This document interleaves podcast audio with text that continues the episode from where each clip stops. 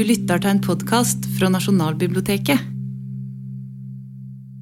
Det står en tom barnevogn i et av Gunvor Hofmos dikt. Det er juni, en klar natt. Som en dam med grønske over står nattens bleke himmel, skriver Hofmo, hun som selv var et junibarn. Natten dufter av syriner, bjerkeblader, det tette gresset.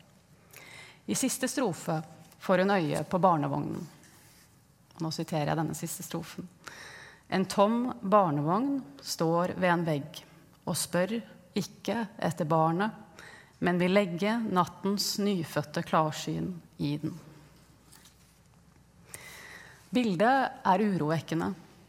Noe er borte, noe er byttet ut. Et barn med nattens nyfødte klarsyn. Samtidig som det som er byttet ut, barnet, ikke er utbyttbart. Ikke for en mor, ikke for noen. Et barn er et barn, ikke til å miste. Hvor er barnet? Hvorfor spør ikke vognen, ikke diktet, etter barnet? Hva er nattens nyfødte klarsyn? Og hva skulle høre vognen til, om ikke et barn? Noe av det mest slående ved Gunvor Hofmos diktning er hennes billedskapende evne. En tom barnevogn. Kanskje forteller bildet i diktet 'Juni natt' om hvordan poeten forholder seg til tap og fravær. Til at noe, det som egentlig skulle være der, er borte. Kanskje forteller diktet om én måte å lindre denne livets smerte på. Hennes måte. I stedet for et barn natten. Klarsyn, tenkning, billedskapning. Det mentale.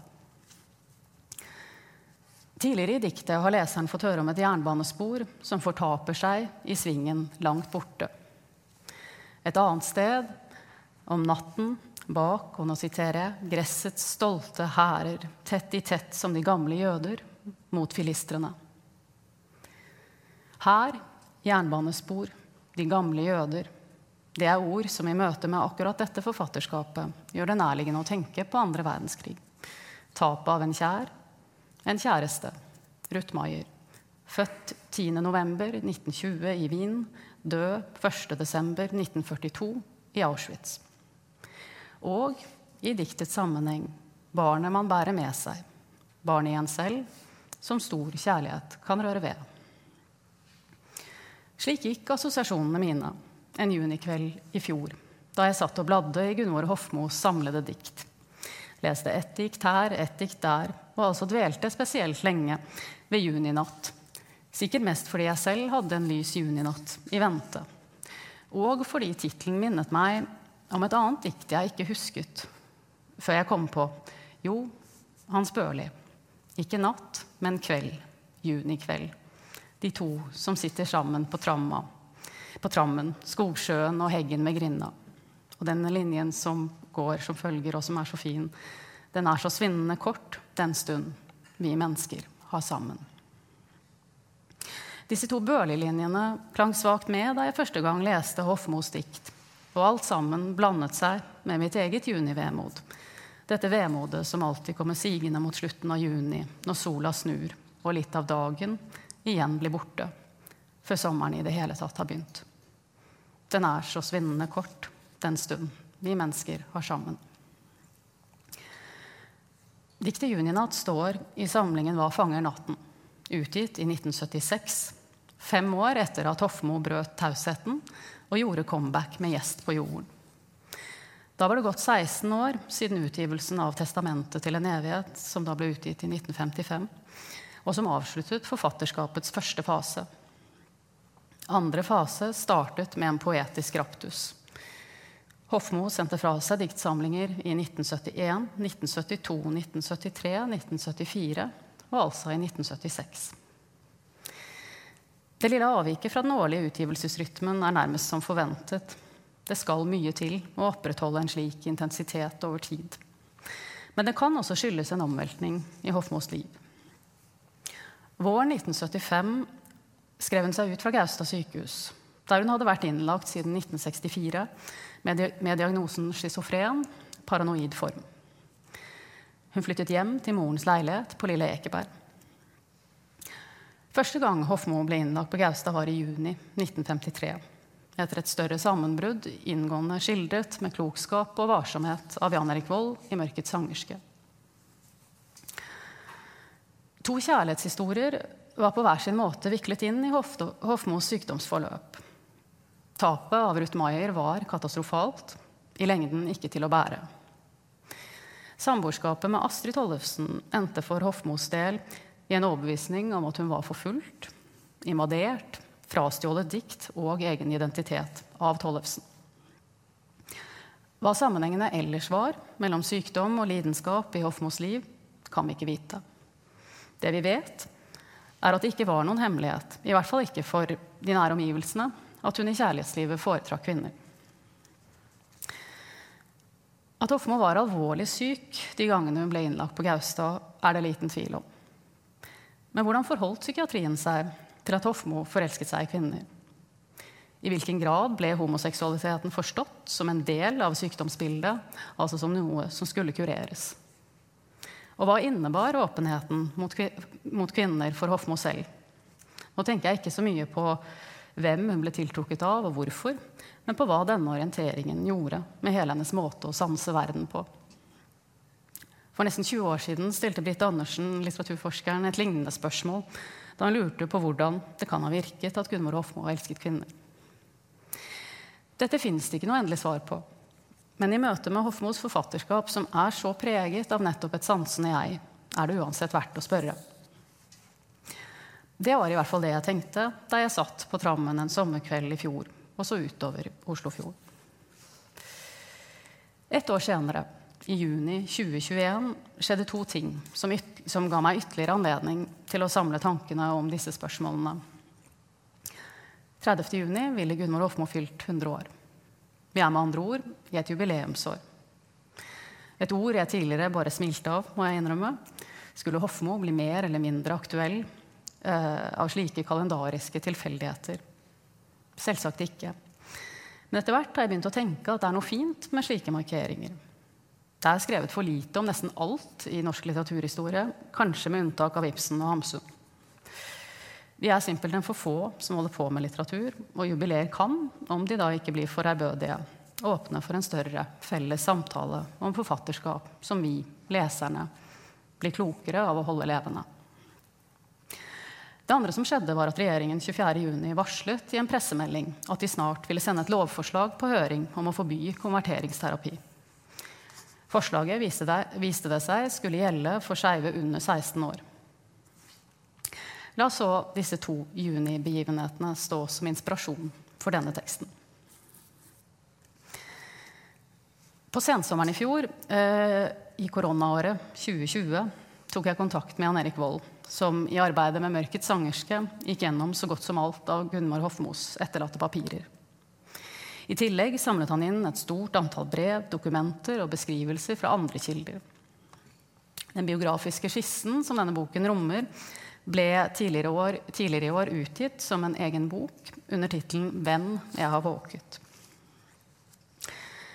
Jeg lurte på om vi kunne ta en prat om dette arkivet, også fordi det i anledning jubileumsåret skulle overleveres til familien Hofmo, for siden å skulle oppbevares i Nasjonalbibliotekets private arkiv.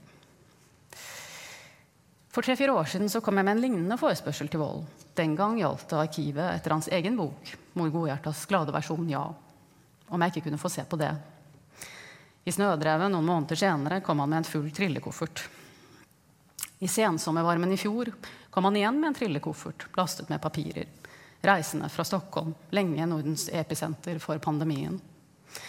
Vi satt med hvert vårt munnbind på snei og snakket løst om Hofmos dikt, minneverdige episoder kuriosa fra et liv. Jeg fortalte om da Inger Hagerup besøkte Gunvor på Gaustad, spurte Vold. Ja, hvordan var det igjen? sa jeg. Jo, Inger hadde vært på besøk. De skulle ta farvel. De sto på gårdsplassen utenfor Gaustad. Visste ikke helt hvordan de skulle gjøre det. De var begge litt forlegne. Men så skal Gunvor ha brutt stillheten med en oppfordring. Legg deg inn du også, Inger. Først som sist. Her har vi det bra. Um, I familien ble Gunvor Hofmo som sistefødte alltid kalt lillemor, også som voksen. Lillemor på 173 cm av vold. Han som fortsatt blir kalt Pluggen av familie og gamle venner. Pluggen og Lillemor. Et lite stykke norsk litteraturhistorie, det også. Etter hvert kom, kom vi i snakk om et slående bilde av Hofmo. Bildet er gjengitt i 'Mørkets sangerske' og ble tatt av faren, Erling Hofmo, i slutten av juli 1953. Ikke lenge etter at hun var utskrevet fra sitt første opphold på Gaustad. Fotografiet står i sterk kontrast til det første og velkjente forfatterportrettet, som i mange år var det eneste bildet av Hofmo som sirkulerte, og som viser en ung kvinne med et åpent, konsentrert blikk bak brillene kanskje litt ubekvem med å bli tatt bilde av. På fotografiet fra 1953 har hun solbriller og en utent røyk i munnen. Hvite tøysko, et sommerlig skjørt, en hvit skjorte kneppet helt igjen. Lang ulljakke. Hun står med to nevøer i badeshorts, hviler vekten på det ene benet, har én hånd i lommen på jakken. Vi har dette bildet utenfor vingangen til utstillingen. Eh, stort kulere blir man ikke. Eller som Wold konkluderte, under det bildet står det 'kjøss meg i ræva'. Sånn gikk altså praten. Jeg ruslet hjemover i ettermiddagssolen, tenkte på årstidenes gang i Hofmos dikt. De høye, kuldeklare vinterkvelder lyder første linje i forfatterskapet. November kalte hun en samling. Høsttåke heter ett dikt. Nær vårkveld et annet. Og alle disse andre titlene. April, 1. mai, juninatt, julinatt, august, september, en kulde, kom oktober. Månedene gikk, også for meg. Vinteren kom, den norske vinteren som Hofmo i 1947 satt i Paris og savnet. Hun hadde lest 'Leiken og lynet', Tarjei Vesaas nyeste diktsamling, og lengtet, som hun skrev i et brev. Etter skau og vidde, etter frosne, hvite veier gjennom stille bygder jeg kan ikke tenke meg noe deiligere norske landeveier om vinteren, Tarjei. Og vinteren varte, kald og frisk og knitrende i et nedstengt Oslo, der byens borgere i januar 2021 satt og googlet britisk mutasjon. Er det ikke fint at våren snart er her? spurte Hofmo på sin side sin venninne Henny Habberstad i et brev 17.2.1942. Er det ikke fint å tenke på Kveldene skal bli lyse. Menneskene skal gå i gatene og se hverandre, også i sene timer. Årstidenes gang, livets gang. Kveldene skal bli lyse, og de skal bli mørke. Jeg tenkte på Hofmo, som i en av sykdomsperiodene var sikker på at Ruth Maier lå gjemt i en brannkum på Solli plass. Tenkte på hva det var som skar seg så fryktelig mellom Gunvor og Astrid hvordan relasjonen ble som et flokete fiskesnøre, til slutt umulig å ordne opp i. Ned i en boks med det, inn i en bod bak en dør du ikke lenger husker om du har nøkkelen til. Og jeg tenkte på herreklærne Hofmo gikk i da hun kom til Gaustad. Hva de var for henne, hvorfor de ble så flittig kommentert i journalen. Hva kan man egentlig vite om dette nivået i andre?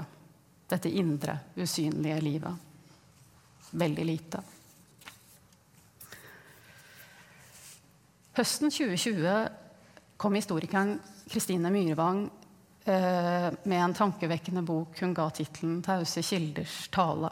Var Dea Sigrid Undsets store kjærlighet.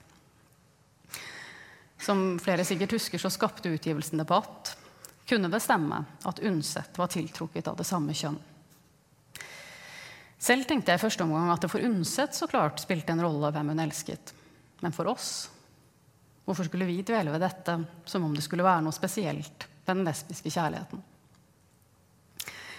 Jeg mistet av syne, tenker jeg nå, at det har betydning hvis Undset var en kvinne som elsket andre kvinner.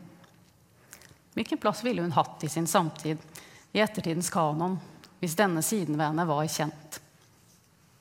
Hvordan ville offentligheten forholdt seg til at en mann, til at en mann hadde omfavnet som nærmest inkarnasjonen av folkesjelen hadde et annet sjelsliv enn det folk, mener, folk flest mente var riktig. Kanskje blir også fortellingen om oss en annen hvis en forfatter som i så stor grad har vært med på å forme denne forestillingen, hvem vi er, hvor vi kommer fra, hva vi bør hegne om i livet, hvis denne forfatteren selv på noen måte befant seg langt unna kulturens midte. I 1972 ble paragraf 213 i straffeloven avskaffet.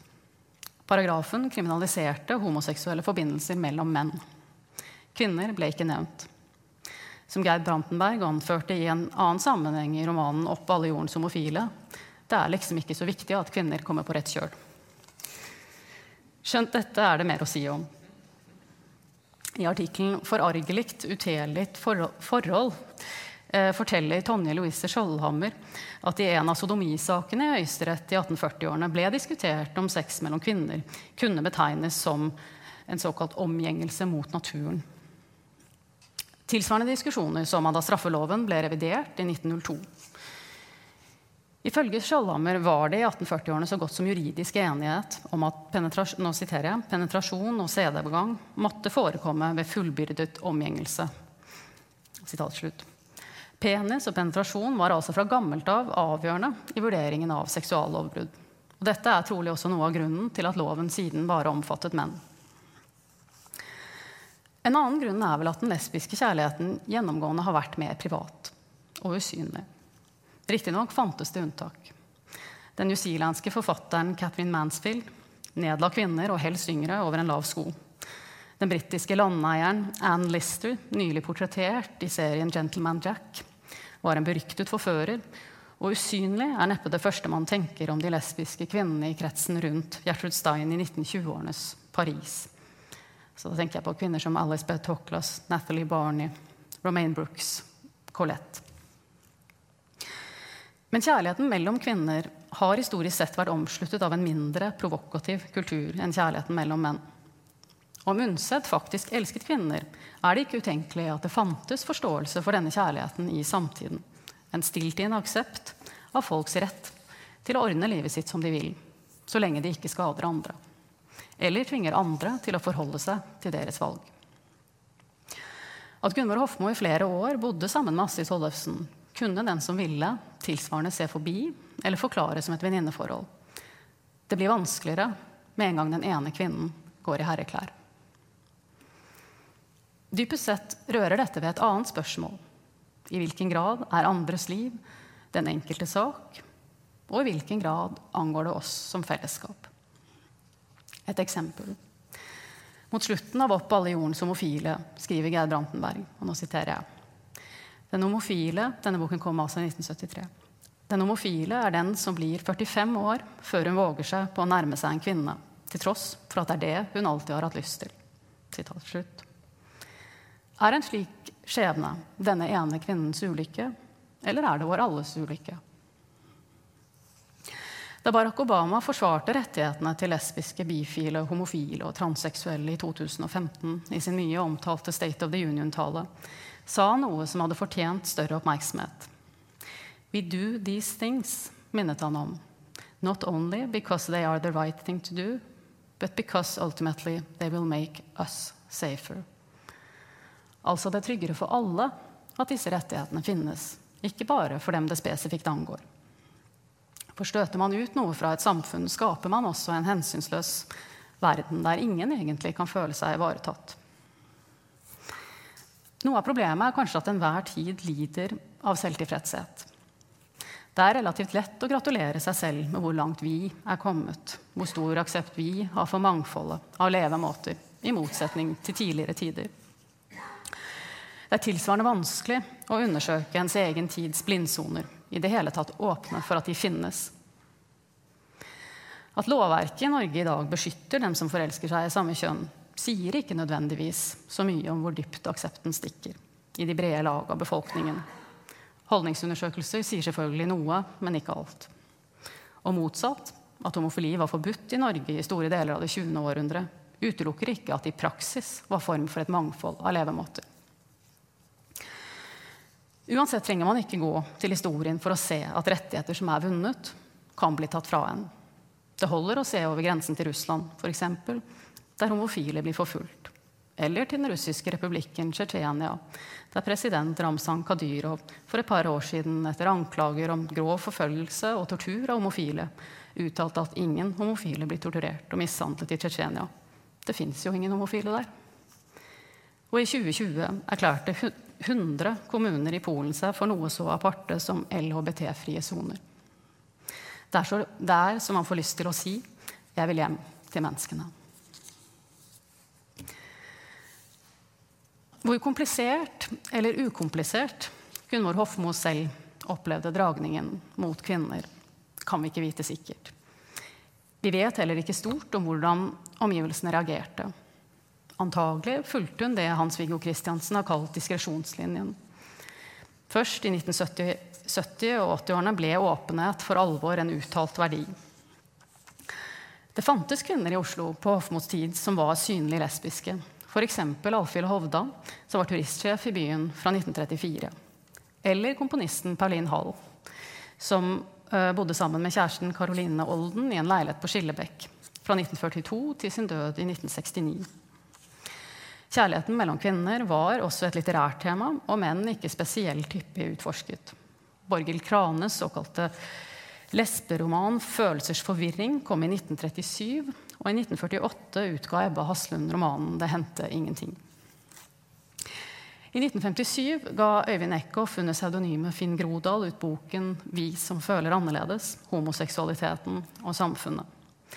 Og Forbundet av 1948 startet opp i Oslo i 1950. Og ikke minst den famøse historien om amerikanske Christine Jorgensen, av og til stavet Jørgensen, som i 1952 skiftet kjønn fra mann til kvinne, ble omtalt i en rekke norske medier fra 1952 og i noen år fremover. Helt usynlig var med andre ord ikke de som følte annerledes. Men i utgangspunktet later ikke Hofmo til å ha villet eksponere denne siden ved seg selv for mye, uten at det trenger å bety at hun skammet seg.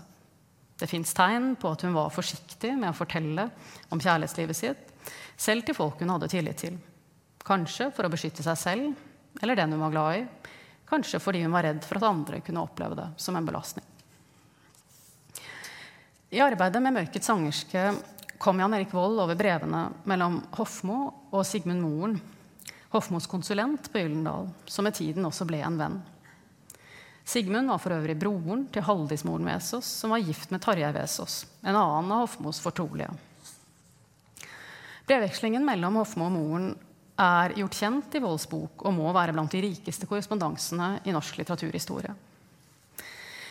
Den 2. januar 1953 skriver Hofmo til moren.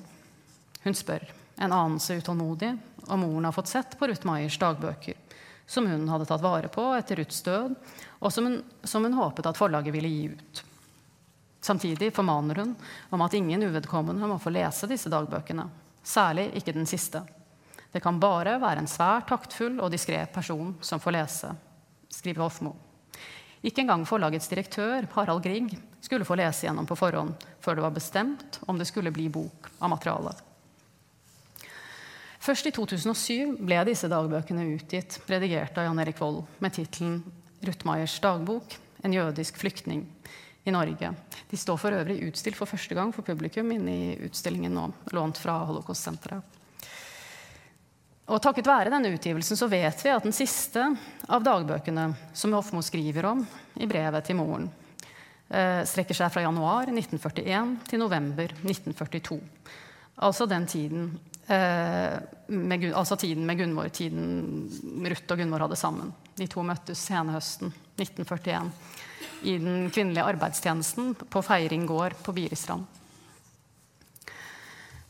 Noen dager senere, den 12. januar, 1953 så skriver Hofmo igjen til moren. Hun er kommet til, forteller hun, at har hun sagt A, kan hun like gjerne si B. Han skal få lese den siste dagboken, men bare han, alene, og bare fordi hun stoler på det hun kaller hans diskresjon og takt. Så vidt hun vet, er han ikke hennes uvenn, sier hun, med det som må være en underdrivelse. For en utenforstående virker brevet å være stilet fra venn til venn. Hun legger til at hun nå kan dele dette fordi citat, det, er, det på en måte ikke angår meg lenger. Citat slutt. Det var lenge siden, og hun er nå blitt voksen, skriver hun videre. Hva mente Hofmo med at det på en måte ikke angår meg lenger? Kanskje bare at det var som i et annet liv. At avstanden i tid gjorde det mulig å slippe noen inn i det alt som hadde med Ruth å gjøre. Et drøyt år senere, i februar 1954, skulle hun uansett formulere seg mer eksplisitt i et dokument hun sendte moren. Da skrev hun sitat, 'Jeg er nemlig homoseksuell'. En annen historie fra en annen tid. I løpet av høsten, 19, nei, høsten 2020 ble altså Hofmos etterlatte papirer fraktet fra Stockholm til Oslo og Hofmos familie. På et overleveringsmøte på Nasjonalbiblioteket kunne vi alle humre av en av Hofmos egne utklippsbøker som var blitt liggende på bordet. Boken inneholdt omtaler av hennes andre bok fra en annen virkelighet, altså avisutklipp hun selv hadde limt inn i denne boken. Og da bl.a. Carl Keilhaus anmeldelse i Dagbladet. Eh, denne anmeldelsen hadde tittelen 'I ensomhetens dødsrike'. Går man eh, til avisarkivet, så ser man at eh, altså det digitale avisarkivet, som er tilgjengelig for alle, så vil man se at anmeldelsen innledes med noen betraktninger om debutsamlingen, som går som følger. Nå siterer jeg. Jeg vil hjem til menneskene, het Gunvor Hofmos første diktsamling, som hun utga for to år siden. Diktene ga gripende uttrykk for hennes lengsel etter inderlig samliv med andre mennesker, med en mann, og forbitterhet over at ensomheten var blitt hennes skjebne. Sitat slutt. I Hofmos egen utklippsbok så var den siste setningen strøket over med blå penn. Eh, altså da snakker jeg om denne setningen hvor det står 'inderlig samliv med en mann'. Den hadde Hofmo skrevet under, og i margen hadde hun skrevet at Carl Keilhaug, stakkars, han har misforstått totalt. Um, ja. Nå skal det også sies at Carl Keilau later til å ha irritert Hofmo over tid. I 1940- og 50-årene var han en relativt profilert skikkelse i det litterære Norge. I hvert fall profilert nok til at han ble et samtaleemne i korrespondansen mellom Hofmo og Astrid Tollefsen. Kanskje særlig pga. hans kritikervirksomhet. Den 19. november 1947 øh, øh, skrev må bare 19.11.1947, altså et års tid da, før han ifølge Hofmo hadde misforstått totalt, så skrev Hofmo til Tollefsen i et brev fra Paris om citat, 'den strenge, skråsikre, modige Keilhaug'. Kritikeren man fryktet fordi han var så brutalt hensynsløs og personlig. Citat slutt. Da hadde hun lest, altså Hofmo lest boken hans 'Over broen', og hun så et talent, men også en side som plaget henne nemlig det hun kalte hans aggressivitet. Hans hang til å se alt som utslag av utilfredsstilt kjønnsdrift. Kanskje var det, dette også en del av det hun reagerte på i Keilaus omtale fra en annen virkelighet. Ikke bare tok han for gitt at hun var tiltrukket av menn. Han seksualiserte lengsler som ikke nødvendigvis var seksuelle, men en mer generell lengsel etter tilhørighet og menneskelig kontakt. Uansett er Hofmos utklipp av denne anmeldelsen interessant også av andre grunner. Et ut i omtalen skriver den samme Kaulau, og nå kommer igjen et lite sitat. Det er en storartet utvikling Hofmo har gjennomgått. Ung som hun er, står Gunvor Hofmo i dag alt som en av våre fremste lyrikere. Sammen med Astrid Tollefsen, Inger Hagerup, Haldis Moren Vesaas og andre går hun frem i en herlig forlangs av kvinnelige poeter, en som vi ikke har hatt maken til i vår litteratur. Det kan være Hofmo ble smigret av denne beskrivelsen, men i selskap med Astrid Tollefsen vil hun ikke bli plassert. I utklippsboken var også hennes navn strøket ut. Um, de viktigste kildene til samlivet mellom disse to, et komplisert samliv, um, er brevene de to sendte seg imellom, og brevene Hofmo sendte til Sigmund Moren. Ett brev fra Inger Hagerup til Hofmo er også av betydning. Våren 1953 ble nemlig Inger Hagerup kalt inn som en slags megler i det som var i ferd med å bli en dramatisk konflikt mellom Hofmo og Tollefsen. Bakgrunnen for konflikten er detaljert skildret i 'Mørkets sangerske', men en kortversjon kan lyde slik. Tollefsen debuterte som lyriker i 1947, noen uker før hun fylte 50. 'Portrett i speil', altså debutsamlingen, er dedisert til Hofmo. Året i forveien hadde Tollefsen lest Hofmos debutsamling 'Jeg vil hjem til menneskene'. Hun oppsøkte henne på Eldorado kino, der Hofmo jobbet som kontrolldame. Hofmo ble en slags fødselshjelper for Tollefsens bok. At Hofmo for seg selv diskrediterte Tollefsen som lyriker ved å stryke navnet i Kærlaus anmeldelse, skyldtes trolig at hun så på Tollefsen som en uselvstendig poet, for avhengig av andres hjelp. Vinteren og våren 1953 var dette blitt en stor verkebyll. De to hadde en stund holdt til på Staubø, like sør for Tvedestrand, men nå dro det seg til. Hofmo var overbevist om at Tollefsen stjal formuleringer fra henne. Hun måtte gjemme diktutkast og kunne bare skrive i stjålne øyeblikk. Denne følelsen av å være forfulgt, under overvåkning, trigget en mer omseggripende paranoia. I april 1953 mente hun å se legen Erika Wendelboe på åsryggen bak huset. Wendelboe hadde undersøkt henne noen måneder i forveien og var, som både Gunvor og moren hadde lagt merke til, lik Ruth Maier i utseendet. Noe som i sin tur overbeviste Gunvor om at Wendelboe hadde tatt Ruths, Ruths identitet. Hofmo hørte stemmer og var redd for at noen skulle forgifte henne. Måneder senere skulle hun på telefon komme til å true Wendelboe på livet. Da ble hun igjen innlagt og risikerte en sikringsdom. Men Wendelboe trakk anmeldelsen før rettssaken kom i gang. Det er en annen historie. I mai 1953 konfronterte hun Tollefsen, altså Hofmo konfronterte Tollefsen i et sammenstøt som endte med at Astrid dro. Gunvor ble igjen og skrev flere av diktene som siden ble samlet under tittelen 'I en våken natt'. I juni ble hun frivillig innlagt på Gaustad. Hva som fra dag til dag utspilte seg mellom Hofmo og Tollefsen, vet bare de to. Hva de en gang delte, og hva som ble ødelagt i krangelen, vet også bare de to. Uten at det trenger å være klart formulert for noen av dem. En konflikt er uansett et vanskelig sted for ettertiden å se en relasjon fra.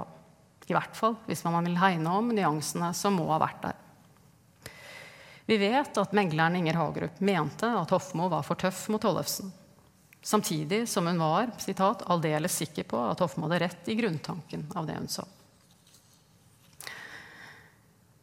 Vi vet også at enkelte av Hofmos beskyldninger mot Tollefsen hadde rot i virkeligheten. Den 19. mars 1953 skrev hun til Sigmund Moren, siterer jeg litt fra det brevet. De få bildene Astrid bruker, har hun for det meste stjålet fra meg. Bare et lite eksempel. kolon. Hjertet vokser til en katedral. I mitt dikt, skriver Hofmo, utrygt og uferdig, heter det 'Sorgen vokser til en katedral'. Men Astrid har jo sitt område hvor hun ikke tar meg, og det er gatelyrikken. Der er hun god. Um, inspirert av dette gikk jeg gjennom Tollefsens bøker fra denne tiden og fant formuleringen Hofmo nevner. Slik går noen, linjer, går noen av linjene eh, i diktet 'Seeren' eh, i boken 'Sang ved veikrysset'. Et hjerte vokser til en katedral. Vi går under høye hvelv, og lyset siver blodrødt gjennom glassmalerienes årer. Det skar seg fryktelig mellom dem, men da Hofmo mange år senere ga ut 'Gjest på jorden', dette var altså comeback-boken som kom i 1971, så sendte hun boken til sin tidligere samboer. Tollefsen svarte, siterer fra brevet, Kjære Gunvor, takk for brev og bok. Jeg tenker så ofte på deg og alle stedene vi besøkte sammen. Men skrive kan jeg ikke. Bare nevne at det at du var med i alt, gjorde livet rikere for meg. Året etter døde hun. Sommeren 1953 var Gunvor Hofmo født 30.6.1921 i Krepsens tegn, 32 år. Hun hadde utgitt tre diktsamlinger og skulle utgi to til før hun forsvant fra den litterære offentligheten. I mars 1954 ble hun altså på nytt innlagt. På nyåret 1955 rømte hun til København. I februar samme år ble hun formelt utskrevet fra Gaustad. Neste opphold varte fra august 1960 til februar 1961. Vrangforestillingene hadde igjen tiltatt, og hun ble innlagt på morens oppfordring. I februar 1964 forsøkte hun å skjære over pulsårene på begge håndleddene. Etter konsultasjonen på legevakten ble hun på Gaustad eh, til slutten av juli samme år. Tre måneder senere lot hun seg frivillig skrive inn på nytt. Dette siste oppholdet varte helt til mai 1975, da avdelingen hun var på, skulle restaureres, og Hofmo heller ville bli utskrevet enn å flytte til en annen avdeling. I tillegg til legemidler og det som ser ut til å være sporadisk samtaleterapi, ble Hofmo med diagnosen schizofren paranoid form gjentatte ganger utsatt for elektrosjokk og insulinsjokk. To voldsomme behandlingsformer. Fra midten av 1950-årene til midten av 1970-årene levde Hofmo dermed for en stor del et liv i psykiatrien. I løpet av disse 20 årene skjedde det store endringer både nasjonalt og internasjonalt i synet på psykiske lidelser. Hva psykiatriens oppgave skulle være, og hva slags menneske- og samfunnssyn den skulle hvile på. Det var i dette tidsrommet den franske filosofen og idéhistorikeren Michel Foucault skrev sitt doktorgradsarbeid 'Galskapens historie i opplysningens tidsalder', som den norske tittelen lyder. En av Foucaults ambisjoner var å historisere den til enhver tid rådende forståelsen av hva galskap og normalitet er. Her til lands ga psykiateren Svein Haugsgjerd ut boken 'Nytt perspektiv på psykiatrien'. Den kom ut på det relativt nyetablerte venstreradikale forlaget Pax og blir fortsatt regnet som en klassiker. Ikke minst for kritikken av behandlingsmetoder og betoningen av pasientens personlige historie. Hans eller hennes livserfaringer. Et tiår senere utga Johan Bremer, som også var legen til Gunvor på Gaustad, boken 'Veier og villspor i psykiatrien'. En tilsvarende oppgjørsbok, men forankret i biologiske forklaringsmodeller. Bremer var, mange, var, i mange år overlege på Gaustad, med ansvar for avdelingen som Gunvor Hofmo var innlagt på, og er for ettertiden kjent, heldigvis for henne og de andre som var innlagt der, for sin motstand mot lobotomi. Dette bare for å nevne noen få eksempler seg mellom svært ulike på brytningstiden psykiatrien var inne i mens Hofmo var i dens varetekt. Over en 20-årsperiode skjer det store endringer i de fleste faglige disipliner. Men i akkurat disse tiårene later de radikale impulsene i psykiatrifaget til å komme i følge med andre radikale strømninger.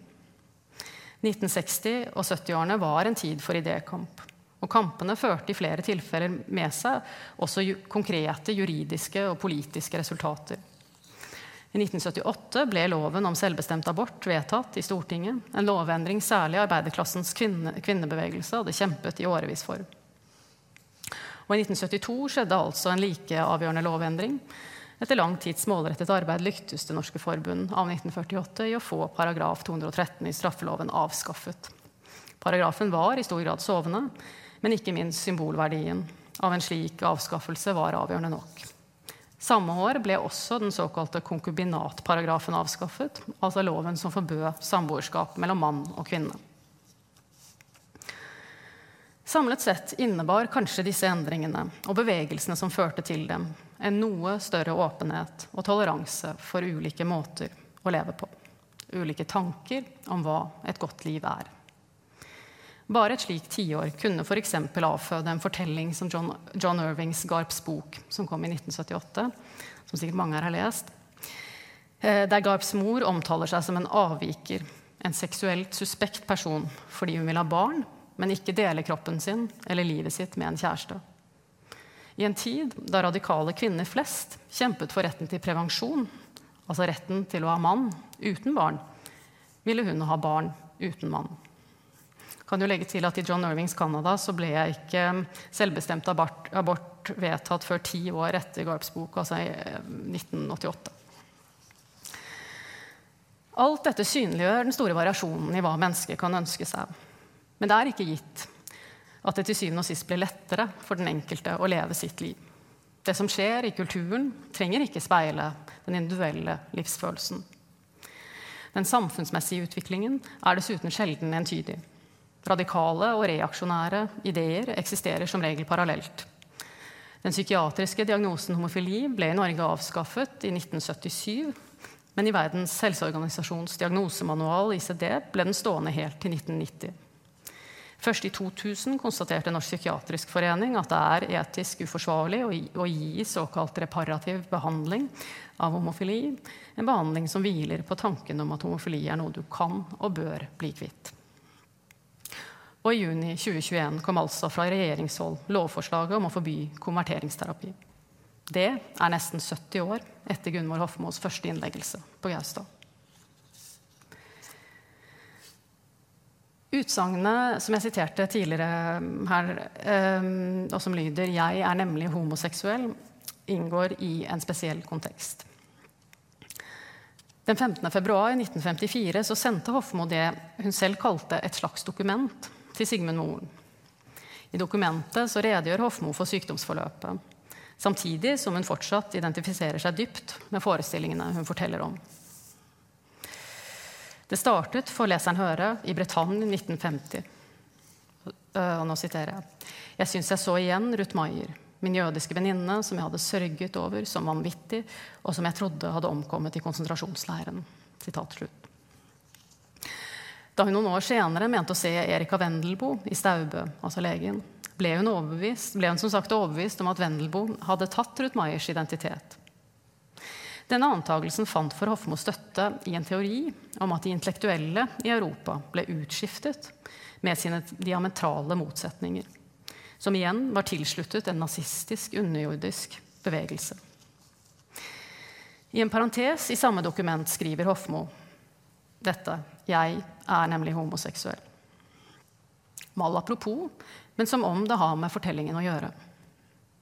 Gitt konteksten kan man lure på om dette er et ord hun vanligvis ville brukt om seg selv, eller om det er en betegnelse andre har satt på henne, f.eks. som en diagnose. Uansett er det et identitetsbekreftende utsagn i en tekst der det ellers råder usikkerhet og forvirring om hvem som er hvem. Det var heller ikke eneste gang Hofmo i denne perioden brukte ordet. I etterlatte dikt i avdelingen som har fått tittelen 'Fragmenter av stor protokoll', dette er altså sånn rundt midten av 50-tallet, skriver hun i et notat. Og nå siterer jeg Et forsvar unødvendig i en klok forsamling. kolon. Den homoseksuelle er et lykkelig menneske men en ulykkelig sjel. Sitat slutt.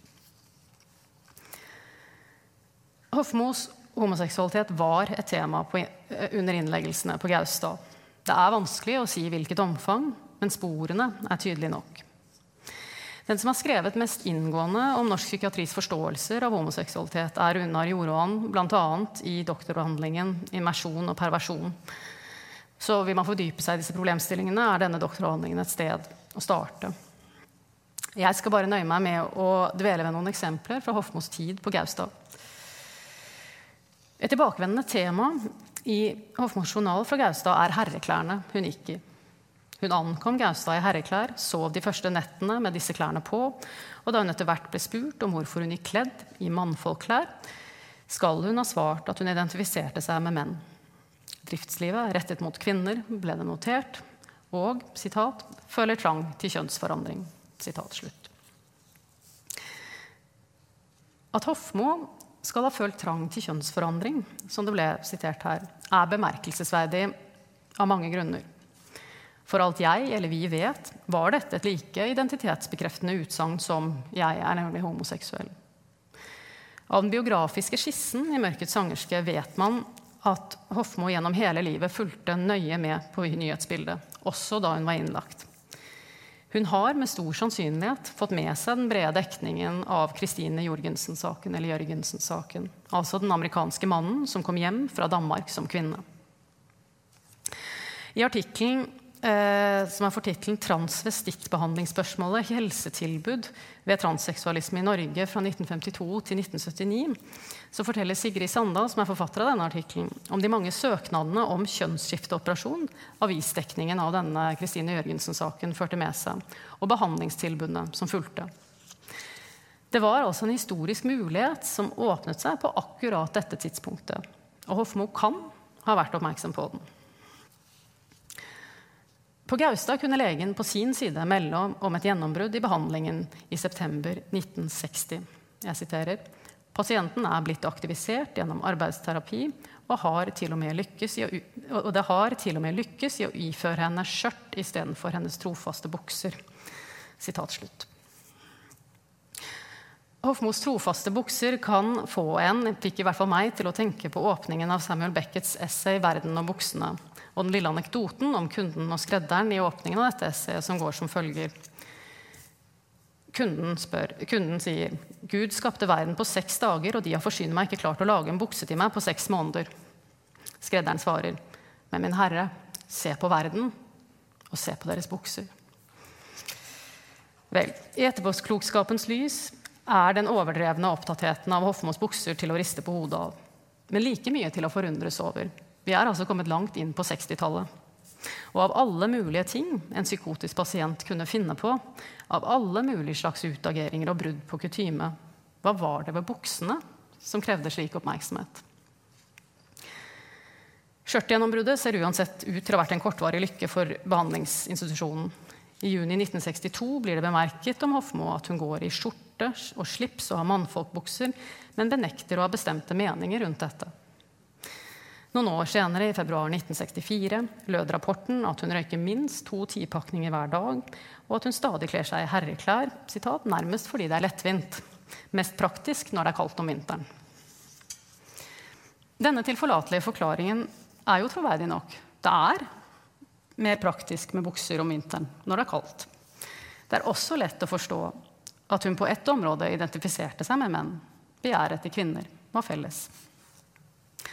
At såkalt homoseksuelle kvinner kledde seg i maskuline klær, er dessuten kjent fra langt tilbake. Anne Lister gjorde det. Det gjorde også parislesbene etter århundreskiftet. Og karakterene i Radcliffe Halls for lengst kanoniserte ensomhetens brønn. For bare å nevne noen eksempler. Sånn sett er det mulig å tenke at Hofmos bukser var uttrykk for en form for tilhørighet. At de ga henne plass i et internasjonalt fellesskap. Samtidig må Hofmo ha visst hvor synlig disse klærne gjorde henne. Hun som ellers var en tilbaketrukket type, særlig blant fremmede. Var det en demonstrasjon? Et uttrykk for integritet? Eller kanskje følte hun at herreklærne var en beskyttelse mot den indre smerten? At kvinneklær ikke kan holde på den kroppen som har en slik smerte? Tilbake til den tomme barnevognen i diktet 'Juninatt'. Bildet virker i leseren fordi man også i helt hverdagslige situasjoner uvilkårlig tenker på det som ikke er i en tom vogn. Enten man ser den på kafé, i sykkelboden, utenfor en butikk. I Hofmos dikt har vognen noe hjemsøkt ved seg. Ja, den er en hjemsøkelse. Et minne om en tung plage. Høsten 1947 tilbrakte Hofmo i Paris. Den 11. september skrev hun som følger i dagboken. Jeg drømte om Ruth i natt at hun kom tilbake. Hun hadde vært på Grini hele tiden. Hadde ikke blitt sendt til Tyskland. Da sa jeg, men hvorfor ga du ikke beskjed? Ikke et livstegn. Hele mitt liv ble jo ødelagt for din skyld. Hun bare trakk på skuldrene som hun pleide. Da ble jeg helt fra meg fortvilelse og skuffelse, og jeg så at hun angret. Hun var snart ondskapsfull og hånlig, snart higgende og myk. K var der også, og R slo seg sammen med K for å såre meg. K smilte som alltid og var straks med på notene når Ruth sa et eller annet om meg. Da følte jeg en slik forakt at jeg ikke orket lenger, men gikk fra dem. Det er en helt forferdelig drøm. Det er som om hun får bekreftet sin egen følelse av verdiløshet. Og like hjerteskjærende som om den hun sørger over, ikke forstår tapet. Ellers gir Hofmo inntrykk av å kjenne sin egen verdi hun visste f.eks. godt at hun var en bedre poet enn Astrid Tollefsen. Og hun fant seg ikke i spekulasjoner fra en type som Carl Keilaug. Men i tapet av Ruth var avgrunnene store i henne. Ethvert tap blir vanskeligere å bære når det rommer noe uavklart, noe uforløst. Slik er det generelt, uten at noen kan si hvordan dette artet seg for Gunvor Hofmo. Det vi vet, er at hun følte skyld overfor Ruth. De planla en stund å dra til Sverige, men Gunvor ville bli i Norge pga. morens helse. En avgjørelse hun i ettertid mente var fatal. I november 1947 skriver hun i Paris-dagboken nå siterer jeg, hvordan man pga. sin godhet ikke regnet med en slik umenneskelig grusomhet, og dermed kom til å volde et annet menneskes død. Uhelbredelig skyldfølelse, uhelbredelig ensomhet. Sitat slutt. Mon tro om ikke disse betraktningene også gir mening til den tildragelsen som ellers virker så forrykt. At hun en sen kveld var på leting etter et spett for å bikke opp en brannkum på Solli plass, der Ruth skulle ligge gjemt. Ruth ble brent i Auschwitz. I brannkummen kan brannslanger kobles til en vannledning. Kummen er til hjelp for redningsmannskap som slukker branner, redder mennesker.